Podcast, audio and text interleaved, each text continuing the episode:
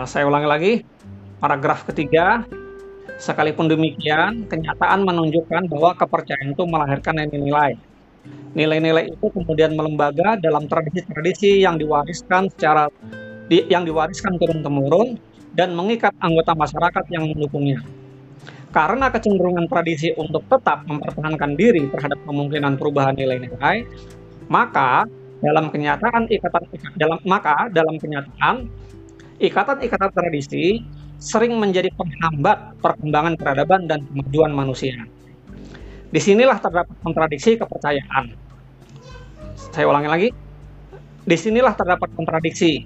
Kepercayaan diperlukan sebagai sumber tata nilai guna menopang peradaban manusia tetapi nilai-nilai itu melembaga dalam tradisi yang membeku dan mengikat, maka justru merugikan peradaban.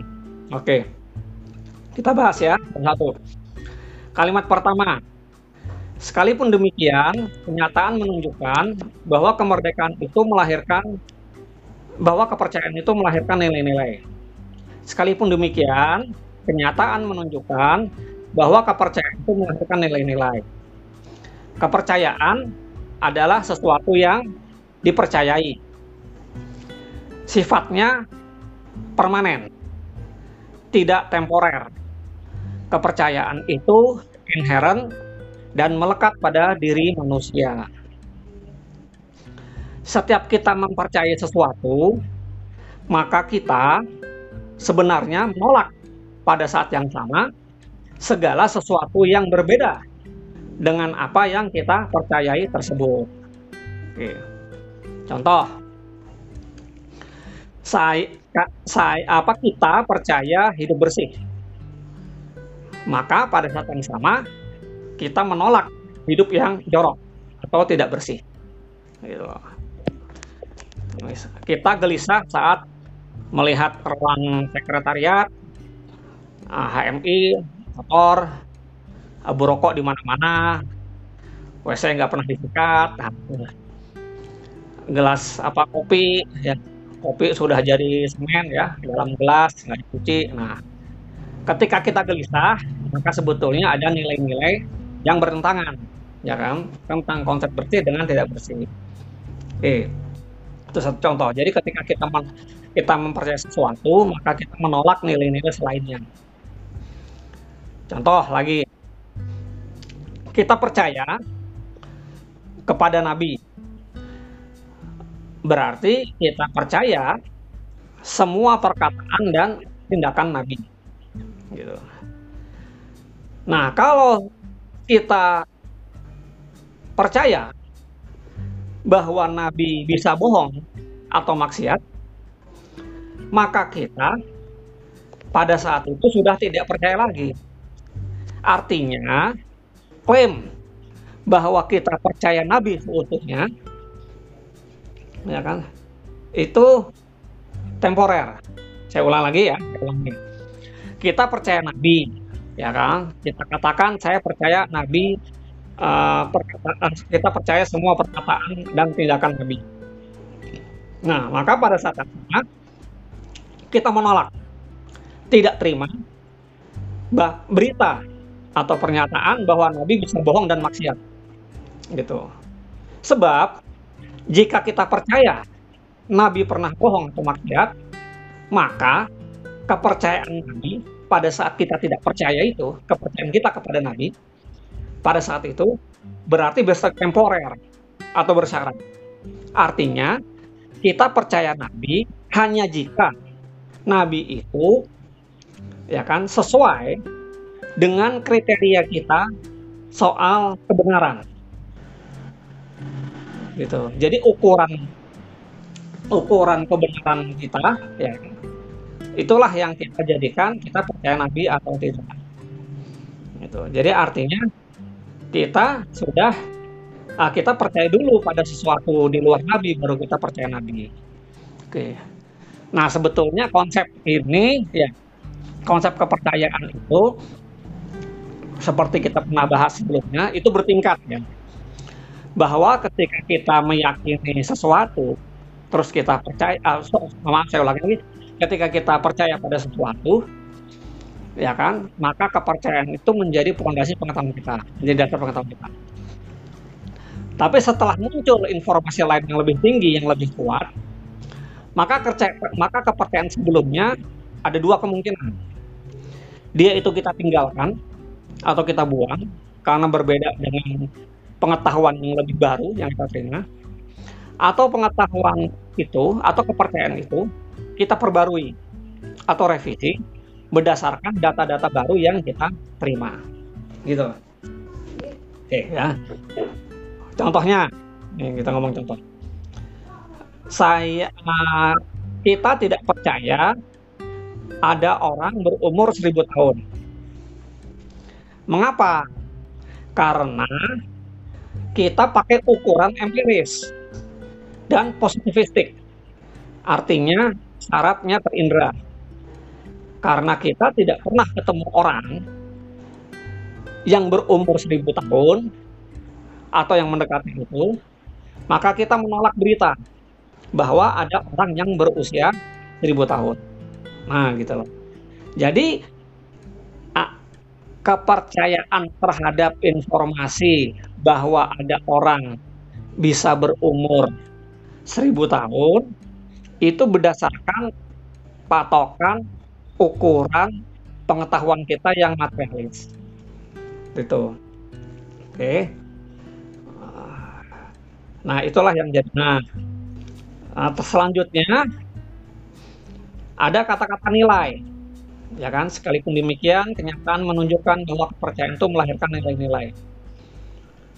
Nilai itu adalah kualitas pada sesuatu sedangkan kuantitas pada sesuatu kita sebut harga oke jadi ada nilai ada harga kalau nilai kualitas pada sesuatu kalau harga adalah kuantitas pada sesuatu yang namanya nilai nggak ada batasan.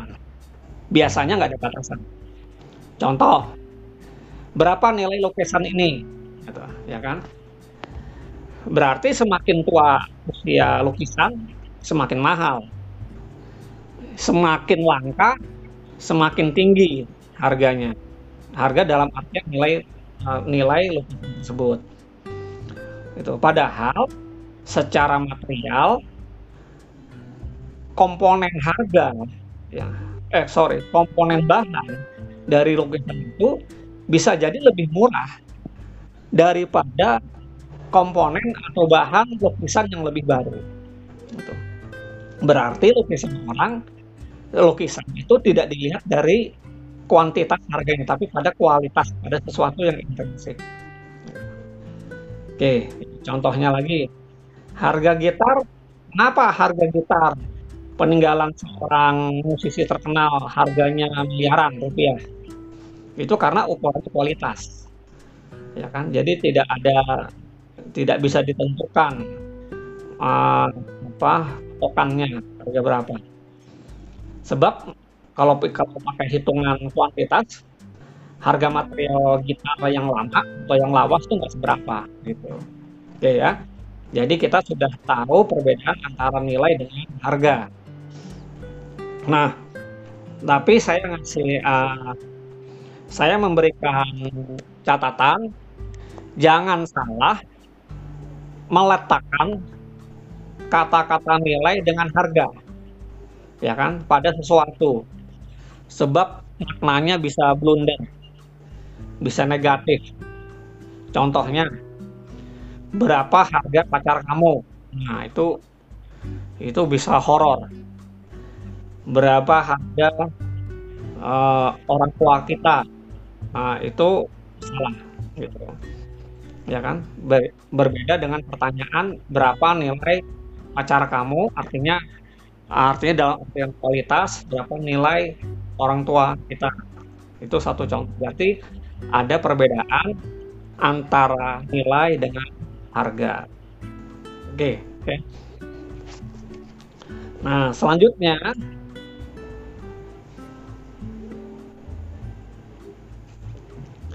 kepercayaan untuk menghargai nilai-nilai yang kedua nah maka kepercayaan itu melahirkan nilai-nilai itu punya makna sesuatu yang sifatnya non material yang nggak bisa dihitung secara kuantitatif. Jadi kepercayaan itu tidak bisa diukur dengan barang, tidak bisa dikuantifikasi. Kenapa kamu percaya agama ini, sedangkan hidup kamu susah? Nah itu ukurannya tidak tidak bisa dibandingkan, ya kan? Gitu. Jadi kuat lemahnya ukur kepercayaan itu sebetulnya diukur pada sejauh mana kita mau berkorban pada kepercayaan tersebut. Jika kita mudah mengkonversi atau berganti kepercayaan, maka sebetulnya kualitas atau kekuatan kepercayaan kita itu tidak kuat, lemah, atau tidak sungguh-sungguh. Itu. Pada kondisi ini kita menganggap kepercayaan itu seperti baju yang bisa dicopot atau dipasang ke panggung. Oke. Karena itu kepercayaan yang dibangun pada nilai-nilai materialisme, pada materialistik, yang positivistik, yang terukur pada sesuatu benda yang mensyaratkan hanya yang terindra, kepercayaan itu sangat lemah dan rapuh. Oke. Nah, terus kalimat kedua. Nilai-nilai itu kemudian melembaga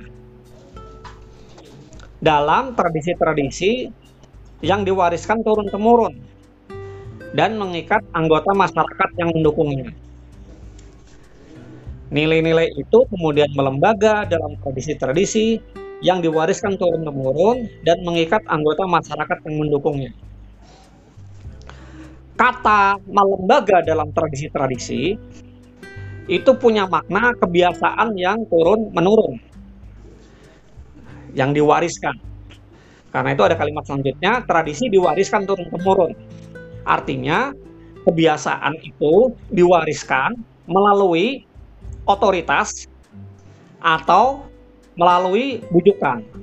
Otoritas karena tekanan atau bujukan. Saya ulang lagi. Jadi tradisi itu bisa diwariskan turun-temurun karena ada dua hal. Bisa karena bujukan dalam suatu dialog yang rasional atau karena tekanan atau paksaan dari satu kekuatan otoritas. Oke. Selanjutnya Tradisi mengikat anggota masyarakat yang mendukungnya. Tradisi mengikat anggota masyarakat yang mendukungnya, artinya yang namanya tradisi atau kebiasaan itu pasti melahirkan zona nyaman. Zona nyaman itu satu kondisi anggota dan kelompok itu menjadikan kebiasaan itu sebagai tanda atau simbol kekelompokan gitu. Nah, masalah apakah tersiksa, apakah anggota masyarakatnya tersiksa atau tidak, ya itu biasanya dikamuflase dengan nilai lain menjadi satu kelebihan. Contohnya, ya kan, misalnya di kampung kita biasa sembahyang pakai sarung Tradisinya begitu, kebiasaannya begitu. Maka satu ketika kita pakai celana panjang untuk sembahyang, maka kita akan diliputi perasaan jengah atau sungkan. Kenapa? Karena pakaian kita berbeda dengan kebanyakan orang. Gitu. Misalnya, contoh yang kedua, pakaian perempuan di daerah kita itu cenderung uh, melekat, artinya rapat, artinya membentuk tubuh. Dan ketika dia dikenakan, geraknya terbatas. Contohnya misalnya uh, kain kebaya, gitu. Tapi karena ada tekanan definisi bahwa perempuan yang anggun itu geraknya terbatas. Tanda terbatas itu artinya gemulai, artinya lemah lembut, tidak gerasa gerusuk, seperti kebiasaan laki-laki. Maka mengenakan pakaian kebaya yang singkat dan membentuk tubuh itu dianggap sebagai kebiasaan yang baik dianggap nilai-nilai yang gitu. Nah, meskipun kita tahu di mana pun semua orang ketika dikenakan kebaya, mau laki atau perempuan, pasti akan terbatas geraknya, tidak bisa lari, tidak bisa lompat dan sebagainya. Berbeda jika dia dikenakan ketika mereka menggunakan oh, baju yang lebar bisa masker, sarung, atau celana. Oke. Nah, tradisi yang abadi bisa diwariskan itu hanya jika mendapatkan penjelasan rasional. Saya ulang lagi, jadi tradisi itu akan abadi dan akan terus diwariskan jika mendapatkan penjelasan rasional seiring dengan kedewasaan seseorang. Tapi sebaliknya, jika tradisi itu tidak dapat penjelasan rasional, dipahami sebagai sebuah paksaan, penderitaan, kesakitan bagi yang melakukannya, maka tradisi itu tidak akan lama. Dia akan mudah ditinggalkan ketika pelaku atau anggota masyarakat itu berpindah atau keluar dari komunitas yang biasa melakukan tradisi itu. Gitu. Misalnya pakai uh, ada orang terbiasa berpakaian yang sempit di satu daerah, dia merasa ribet, merasa terbatas, tapi tidak bisa berbuat apa-apa, maka ketika dia pindah ke tempat lain yang tidak mewajibkan pakaian yang sempit itu, dia akan dia akan meninggalkan tradisi itu dengan seketika gitu. Nah karena itu ke suatu kebiasaan di masyarakat bisa hilang. Ya saya saya ulang lagi kebiasaan atau tradisi suatu masyarakat bisa hilang jika anggota masyarakat itu semakin rasional. Modern modern dalam artian praktis. Ya kan? Atau tidak mendapatkan penanaman nilai-nilai tradisional yang yang konsisten kecil. Atau bisa juga dia tidak mendapatkan hukuman sosial tidak mendapatkan sanksi sosial jika dia tidak berpakaian tidak berperilaku seperti itu oke nah karena itu kita masuk ke kalimat ketiga. Karena kecenderungan tradisi untuk tetap mempertahankan diri terhadap kemungkinan perubahan nilai-nilai, maka dalam kenyataan, ikatan-ikatan tradisi sering menjadi penghambat perkembangan peradaban dan kemajuan manusia. Tradisi, nah, seperti kita tadi sebut, itu mengikat karena sebagai simbol identitas masyarakat ya kan? Satu cara agar masyarakat itu eksis atau bertahan. Karena itu mereka mengokohkan nilai-nilai yang abstrak yang universal menjadi tradisi atau kebiasaan. Tapi ketika dilakukan secara paksaan atau represi dengan kekerasan atas atas alasan satu otoritas ya kan maka tradisi itu pasti akan hilang berbeda dengan tradisi yang ditanamkan melalui bujukan, pengajaran, persuasi dalam satu dialog yang rasional. Oke ya, itu tradisi, posisi tradisi. Oke. Terus ada kalimat dalam ikatan ik, dalam kenyataan ikatan-ikatan tradisi sering menghambat perkembangan peradaban dan kemajuan manusia. Apa itu peradaban? peradaban kata KBBI Kamus Besar Bahasa Indonesia itu adalah kemajuan dari kecerdasan dan kebudayaan lahir batin manusia. Oke. Nah, kemajuan itu adalah dinamika atau perubahan yang sistematis dari kondisi yang statis, stagnan, mandek, menuju kondisi yang lebih baik. Maka orang yang maju itu adalah orang yang tidak mau berada pada zona nyaman. Oke, saya ulang lagi ya.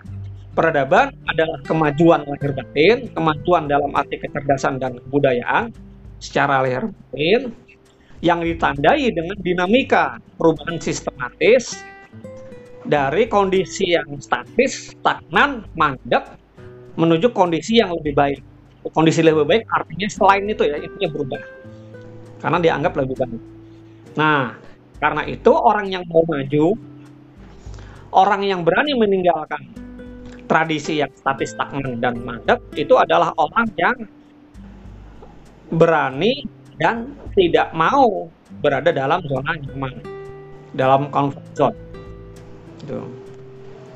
Oke, nah dengan demikian yang namanya peradaban itu selaras dengan rasionalitas rasionalitas di sini adalah sikap terbuka terhadap hal-hal yang baru. Tidak takut berbeda dengan lingkungan masyarakat tempatnya dan juga sejarah masa lalu. Oke, jadi peradaban selaras dengan rasionalitas. Dia terbuka terhadap hal-hal yang baru, tidak takut berbeda dengan lingkungan masyarakat dan sejarahnya. Yang menarik adalah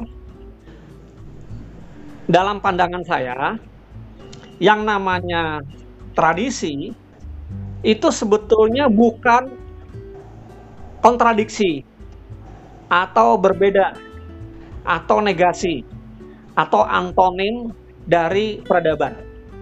Karena saya menganggap bahwa yang namanya tradisi uh, bahwa, bahwa yang dimaksud tradisi saat ini pada masa kini itu hakikatnya adalah peradaban pada masa lalu. Jadi artinya yang kita sebut tradisi kebiasaan sekarang itu sebetulnya adalah nilai-nilai baru pada masa lalu. Pada masa leluhur kita itu menjadi itu adalah sesuatu yang baru dan terus dilakukan karena proses dialog atau paksaan dan kita menerima warisannya. Itulah yang kita sebut tradisi. Tapi pada masa lalu itu disebut peradaban. Karena bisa jadi apa yang ditanamkan pada masa lalu berbeda dengan masa sebelumnya. Maka pemahaman atas peradaban pun juga berbeda. Kita memahami peradaban masa kini yang kita sebut peradaban, hakikatnya adalah tradisi pada masa yang akan datang. Apa yang kita sebut peradaban pada tahun 2021 bisa jadi hanyalah tradisi pada tahun 2030 atau pada masa yang lain. Intinya pada masa uh, pada masa setelah 2021. Gitu. Jadi kata-kata atau kalimat tradisi sering menjadi penghambat perkembangan peradaban dan kemajuan manusia itu punya makna tradisi yang dibangun melalui paksaan gitu, atau represi. Karena itu dia mengekang, melarang, membatasi eksplorasi rasionalitas dan kemajuan manusia. Gitu. Atau bisa juga begini.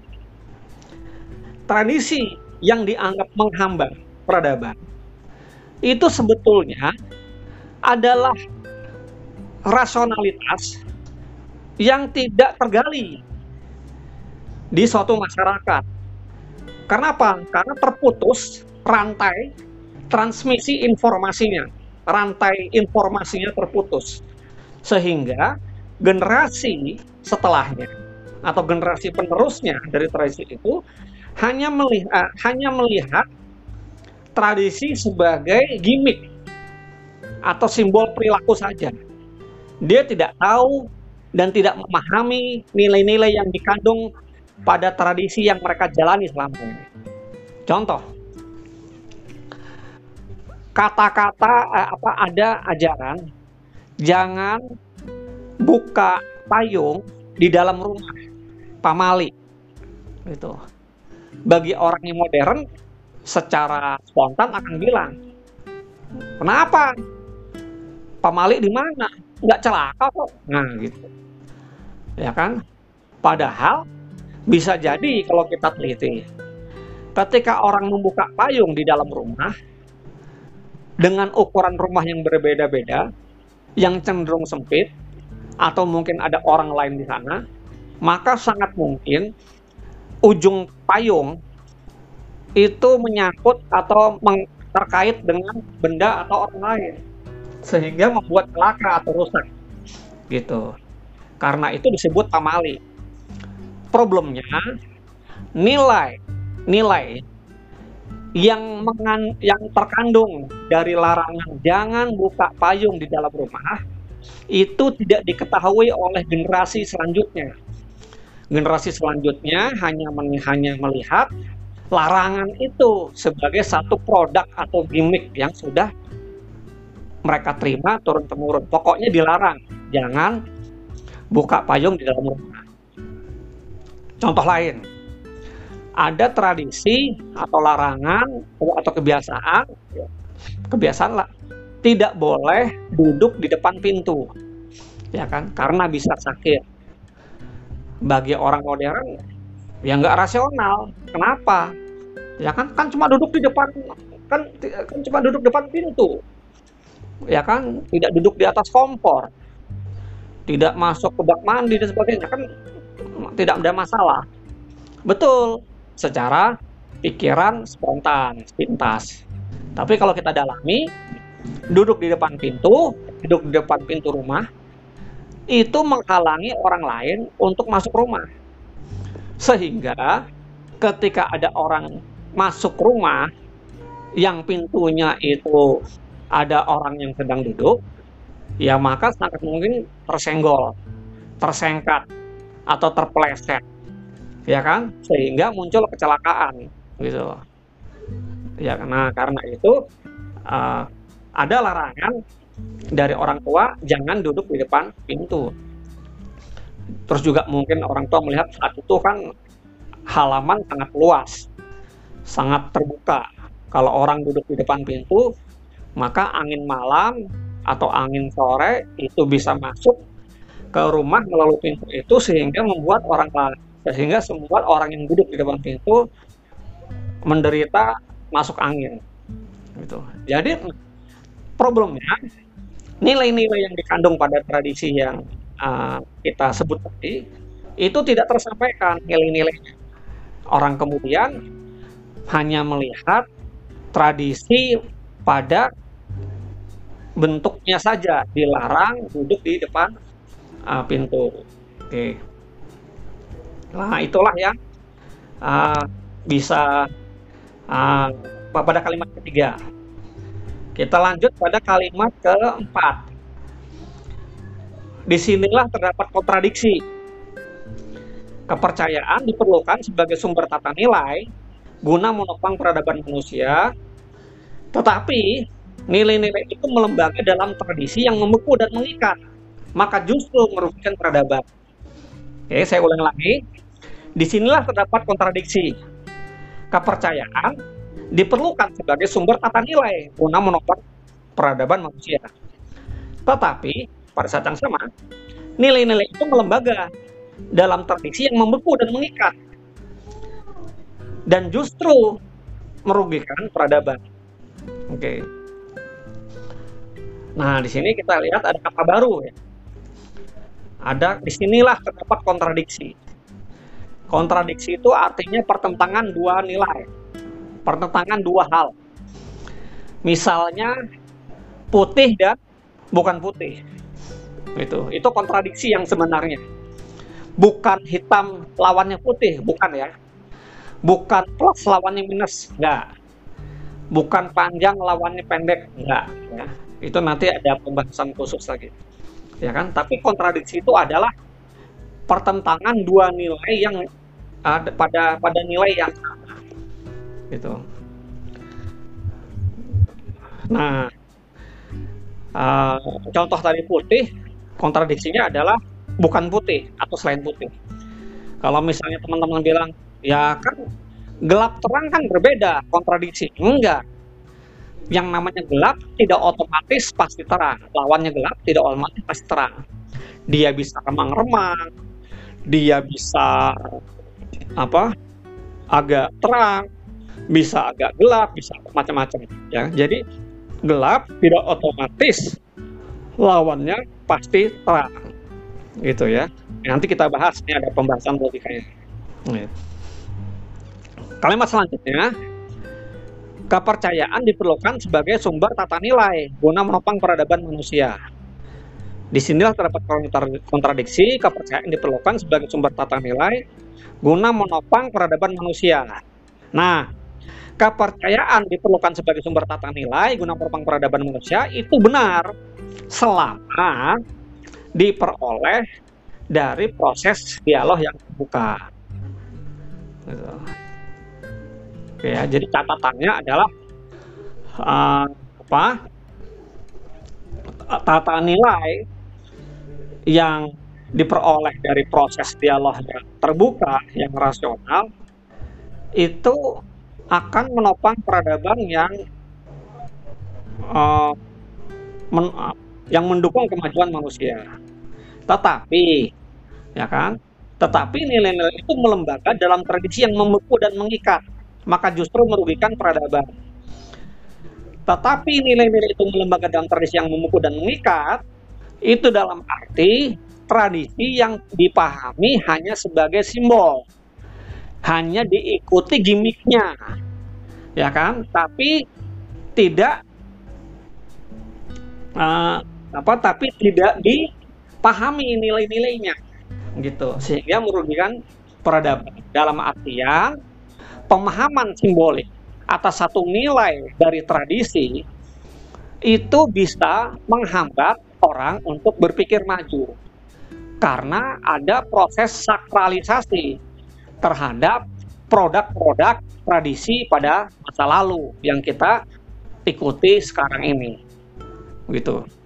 Contohnya contohnya ada orang menganggap pakaian pakaian apa uh, seperti yang saya pakai ini itu disebut pakaian Islam ya pakaian Islam ya kenapa atau is atau Islami kenapa karena uh, dalam tradisi uh, masyarakat Melayu ini disebut baju koko atau baju muslim. Tuh. Ya kan? Jadi indikator baju muslim pada rah yang dipotong yang terpotong setengah. Tapi kalau kita berpikir terbuka, kita akan tahu bahwa pakaian saya yang kerahnya itu cuma setengah, itu persis sama dengan pakaiannya Jackie Chan yang agamanya non-Islam. Dan juga pakaian para para aktor-aktor film laga dari Cina atau Hong Kong. Gitu. Jadi dari situ menjadi terbuka pikiran kita bahwa baju muslim baju Melayu yang kita kerap samakan sebagai bajunya orang Islam sebetulnya punya punya pengaruh atau hasil pengaruh dari tradisi budaya dari negara lain dan bangsa lain gitu. Oke, ya. Contohnya misalnya saya pakai sorban atau pakai jubah. Kenapa? Karena dianggap inilah pakaiannya nabi. Nah gitu ya kan? Jadi orang menganggap sudah tanda kutip mengikuti ajaran orang yang dianggap apa nabi dengan mengikuti gimmicknya simbolnya. Nah padahal inti dari pakaian itu menutup aurat menyamarkan alat vital bentuk tubuh menyamarkan bentuk tubuh dan alat vital atau produksi. Itu artinya kalau nilai-nilai itu kita uh, terima, ya bahwa fungsi pakaian itu adalah menutupi apa-apa tubuh kita, maka tidak harus pakai jubah agar bisa disebut mengikuti nabi atau para pendahulu ajaran agama kita. Gitu. Bisa juga pakai pakaian yang lain. Bisa kaos bisa kemeja jas dan itu sama sekali tidak mengindikasikan ini baju Islam atau tidak kecuali ya nggak bahwa segala yang islami ya, atau segala yang baik itu adalah ketika berhasil menyamarkan bentuk tubuh manusia Nah, di situlah fungsi dari pakaian. Oke, jadi saya ulangi lagi. Kalimat keempat, di sinilah terdapat kontradiksi. Kepercayaan diperlukan sebagai sumber tata nilai guna menopang peradaban Indonesia, tetapi pada yang sama, nilai-nilai itu melembaga dalam tradisi yang membuku dan mengikat, maka justru merugikan peradaban. Kepercayaan yang menjadi tata nilai peradaban, di sini ada dibahas dua hal, kepercayaan yang menopang peradaban adalah kepercayaan yang rasional yang diperoleh dari satu dialog sedangkan kepercayaan yang melembaga menjadi tradisi yang memukul dan mengikat sehingga merugikan kemajuan manusia itu adalah nilai-nilai yang dipaksakan karena satu otoritas, karena ada satu uh, tekanan, ya kan, yang harus kita terima uh, tanpa membuka proses dialog. Oke, okay? Ini kalimat keempat menutup paragraf ketiga. Demikian yang bisa saya sampaikan dulu. Kita buka pertanyaan dialog untuk paragraf ketiga. Silahkan.